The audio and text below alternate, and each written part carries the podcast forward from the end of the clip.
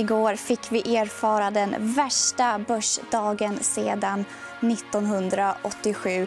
S&P 500 rasade 10% och Stockholmsbörsen backade också dryga 10% Idag hämtar Stockholmsbörsen andan något och är upp 2,5 De här rörelserna måste vi bearbeta idag. Men vi ska också prata fonder och hur man ska tänka med sitt fondsparande i dessa oroliga tider. Det är Fondfredag i EFN Marknad.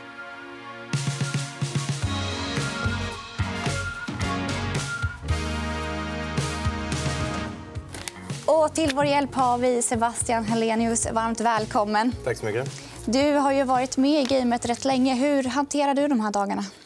Eh, det är viktigt att hålla sig relativt lugn och, och försöka vara någorlunda långsiktig. Skulle jag säga. Det, det korta svaret på det, mm. i hur man agerar. Men det här, de här rörelserna är såklart tufft för småsparare, framför allt pensionssparare.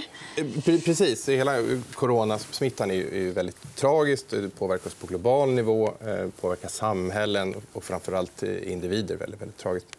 Ehm, och hur Eh, Eh, det här senare också, när oron sprider sig till marknaderna är ju också eh, tragiskt hur egentligen börsen reagerar på det här sättet med så här stora ras. Eh, det skapar ju oro, eh, och i sig, som i sig föder oro. och Oron kommer också senare så att säga, eh, materialiseras. Mm. Och vi ska försöka dämpa oron lite grann idag. Men vi kan väl först titta på några av fallen vi har haft under dagarna. här. Vi ser att Stockholmsbörsen och S&P 500 har fallit mer än 20% i år. Ja, precis. Och det här blir ju då egentligen eh, väldigt, väldigt ska jag säga, tufft då för eh, spararen. Ehm, eh, folk som sparar till sina pensioner, som sparar man ska investera i någonting framöver, en resa eller liknande. Eh, folk som inte har legat eh, och varit investerare och varit medvetna om sina risker kanske i det här fallet måste materialisera här nere på botten. Och det är tufft. verkligen.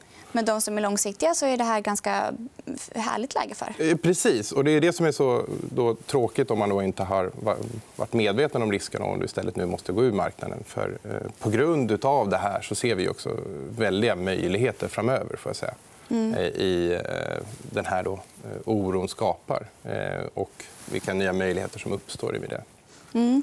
Och I de här fallen så har ju både myndigheter och centralbanker gjort sitt yttersta för att dämpa fallen. Vi ser på S&P 500 att Fed igår pumpade in extra mycket pengar i marknaden.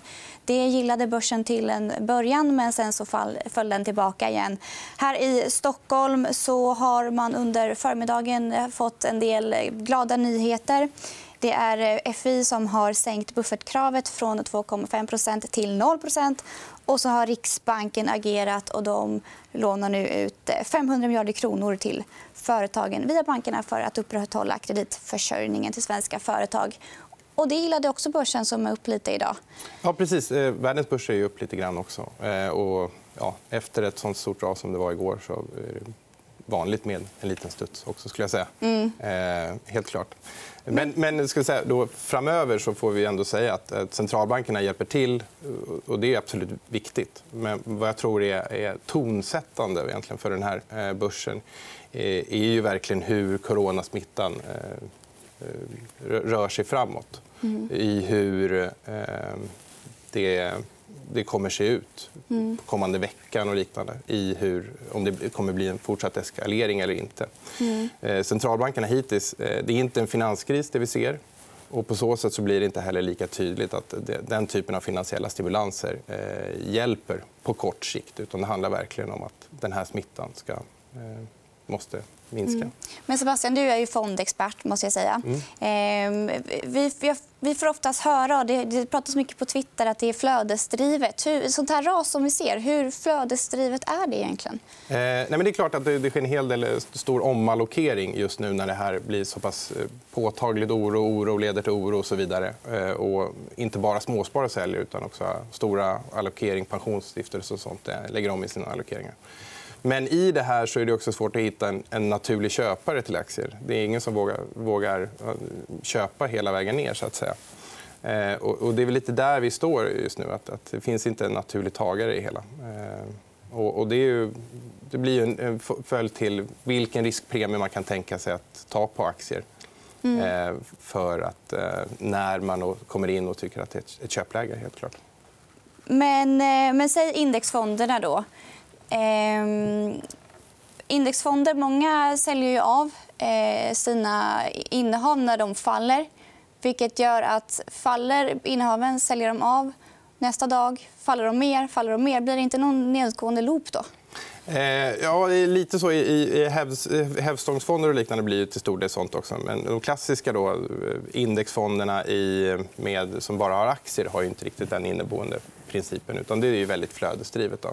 Mm. Eh, utan det är snarare då, skulle jag säga, att eh, vi som allokerare vi har ju ändå eh, olika former av benchmark i att om aktievikten minskar för mycket då kommer vi snarare att, att öka aktierna för att ha en jämn exponering här över tid. Då. Mm. Eh, och det blir ju lite så. Våra fonder till exempel har ju då, eh, att vi har på kvartalsbasis så har vi att vi har en ombalansering där vi går mot eh, olika normalportföljer.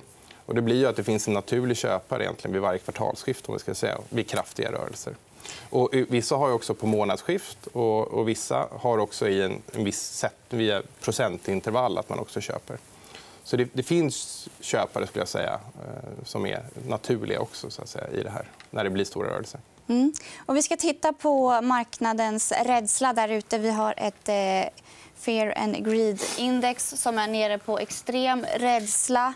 Och jag eh, ställde också frågan på Twitter hur eh, spararna där agerar med sina fonder. Och jag frågade om de har sålt av sina fonder på grund av börsoron som vi ser.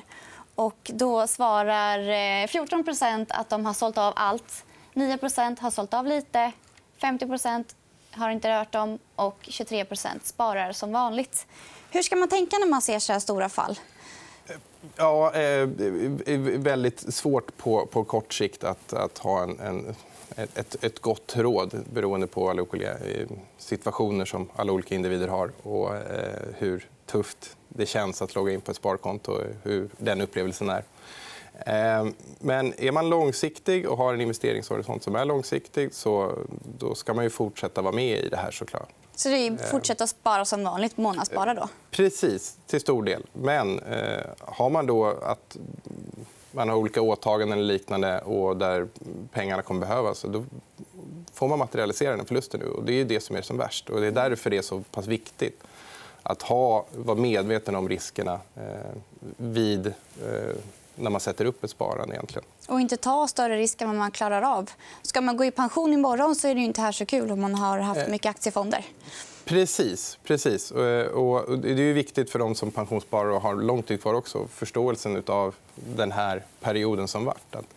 Eh, det här kommer att göra att vissa pensionssparare eh, kanske inte går i pension nästa mm. år utan lägger fram det med topprofilen. Eh, det finns flera olika faktorer som gör att den här oron då eh, leder till eh, mycket tråkigheter på kort mm. sikt. Mm. Vi ska ta en tittarfråga som kommer från Jongua som undrar om man ska sälja nu allt för att sedan köpa tillbaka senare. Har man en stark uppfattning om att det här ska bli värre och det ska tillta då, får man agera på det. helt klart. Men att, att Fånga knivar är det, är det svåraste som finns i den här branschen. Att, eh, dessutom då, med det här coronautbrottet som vi har är, det här har vi inte haft tidigare i modern tid. Eh, finanskrisen var ett sak, men det handlade mer om eh, det finansiella systemet. Och, och då har du centralbanker som satt in ett helt annat sätt. Det här är mer vårt samhälle som, eh, som på något sätt hur vi har eh, rörlighet och liknande. Och det blir mer på regeringar hur de ska agera. Eh, och att världens alla regeringar med olika partier och liknande ska kunna klara av den typen av eh, stress, eh, ja, det kommer nog ta lite tid. Mm. Men vi var inne lite på fondflöden också. Om man eh, har mycket aktiefonder som är aktivt förvaltade och det sker stora utflöden ur sin fond Mm. Så att fonden backar ännu mer. Hur, hur ska man tänka där? För jag är själv lite orolig för det över mina fonder. till exempel. Eh, ja, nej, men, och vi har ju daglig likviditet på alla våra fonder. Eh, och det är väldigt viktigt. och Vi gör ju likviditetsanalyser på, på innehaven vi har så att vi vet att vi hela tiden kan erbjuda daglig likviditet. när vi gör, alltså, simulerar på stora då, redemptions, alltså inlösen av befintliga eh, NAV-andelar. NAV Eh, och, och fondbolag som inte klarar av det de är inte långlivade. skulle jag säga. Mm. Helt klart. Eh, utan det här är väldigt viktigt när man driver eh, fondverksamhet, att kunna leva upp till det här. Eh, och i, i, hur det funkar i, i lite mer detalj är ju att eh, vi får ett, ett eh, en notifiering mitten på dagen. Ungefär så här mycket som kommer säljas idag. Och avsättningen sker i våra fonder då, strax efter 16. Och då har vi en viss tid på oss att agera efter det. egentligen. Och då går vi ut på börsen och, säljer av eller liknande. Nu har vi just på Länsförsäkringar fonder haft nettoinflöden i år mm. hittills. Så att vi har inte riktigt upplevt det eh, än. Nej, men nu när man ser såna här stora nedgångar och känner att jag vill göra något aktivt, jag vill skydda mig mot nedgångar eller jag har, eh, mina fonder eller mina aktier har gått ner mycket. Hur kan jag göra för att minska att de går ner ännu mer? Finns det några hedgar? Finns det några speciella räntefonder man kan köpa? Eller vad tycker du man ska göra? Det generella eh, rådet är ju framför allt att ha, om man, om man vill ha den hedgen på, är ju att, och det bästa historiskt bevisat då, i komplement till aktier är ju egentligen att ha en räntefond. Lite med längre löptid eller duration. Eh, Eh, för det är, en väldigt bra hedge i när konjunkturen ser sämre ut och riksbanker och liknande börjar sänka räntorna så avkastar de bättre. helt enkelt. Eh, men där vi är nu så är det ju snarare så att eh, amerikanska långräntor är på record low-nivåer. Det är kanske inte där man vill vara just nu. Det hade varit vackert ända vägen ner i det här fallet. Men från det här läget... Och centralbanker är också ute och säger att det är inte minusräntor som kommer hjälpa oss i det här utan det är snarare att vi stödköper olika typer av eh, skuldsida istället. Men ska man undvika räntefonder? Då? Vi fick en fråga från eh, hobbyentreprenören vilka räntefonder man, man ska köpa nu. Och där är också, eh, det, det är eh, också, det ska man, ju, man ska fortfarande ha räntefonder i sitt sparande med sin riskprofil. För, för, precis som på aktier så har du en hel disallokering just nu vilket gör att eh, aktiv förvaltning eh, kommer kunna löna sig väldigt bra. När det är så här stora rörelser så skapas det väldiga möjligheter. Eh, så att, i sin ränteallokering ska man nog ha kvar. Eh, och den aktiva delen kommer nog avkasta mer från nu kanske än vad den gjort de senaste två, tre åren. Så om jag vill köpa en räntefond idag då ska jag köpa en, en räntefond som har företagsobligationer i sig? Eh, ja, och det är lite mer det specifika kanske fallet just nu. i Att, eh, att tajma börsen är jättesvårt. Eh, men vi ser ju att då, eh, företagskrediter, kanske med lite säkrare eh, just IG, eh, investment grade Eh, har spreadat isär nåt enormt. Och det är just där centralbankerna nu går in och liksom eh, försöker stödköpa och hjälpa till. Mm. Eh, så där är nog ett, ett väldigt bra läge kanske just nu. Att ändå, om man nu vill ha nåt säkrare men ändå eh, vågar då ta lite risk så skulle jag nog säga att då, eh, lite säkrare företagsobligationer. Inte high yield riktigt än, men Nej. säkrare företagsobligationer. Och de här eh, Bull and Bear-certifikaten och ETFerna då? Mm. Är det någonting man kan använda sig av för att skydda sig? Eh, absolut. Eh, så, så, är det ju. Eh, har man en, en vanlig aktiedepå och har massor med aktier som man kanske måste skatta på eller liknande om man inte ligger i NISK så är det ett alternativ eh, att, att köpa ett BR-ETF eller liknande för att kunna hedga det innehavet om man vill gå ner i risk utan att kanske skatta för det. Eh, har man en stark åsikt om någonting mm. så, så ska vi också kunna utnyttja det på det sättet. Men det är också egentligen... Eh, man ska göra det på kortare sikt. skulle jag säga. Mm. På grund av att eh, de här ETF som har hävstång är ofta väldigt vägberoende. Och vägberoende betyder då att, till exempel att om du har köpt en, en BR-ETF i, i det här raset eh, där du har eh, från high, då har börsen gått ner 30 kanske på en månad. Då kan man förvänta sig, kan man tro kanske, att eh, man tjänar 30% på hela mm. nedsidan. Då. Men så är det ju inte. Utan det beror helt på hur utvecklingen har varit för varje dag hela vägen då ner till 30% ehm, För att den ombalanseras ofta varje dag. Så har det gått ner 10% så har du tjänat 10 ja, då ökar då, eh, exponeringen eh, i fonden med 10% på nedsidan. Mm. Också, så, så nästa dag så måste den egentligen gå ner 10% till från den nivån? Eller är det 10% det här är ganska krångligt. Det, det, men jag kan visa, för jag, jag hittade en bild här i en bok jag har hemma med ett exempel. där man ser hur det här fungerar. Vi kan väl titta på den bilden, om vi får upp den.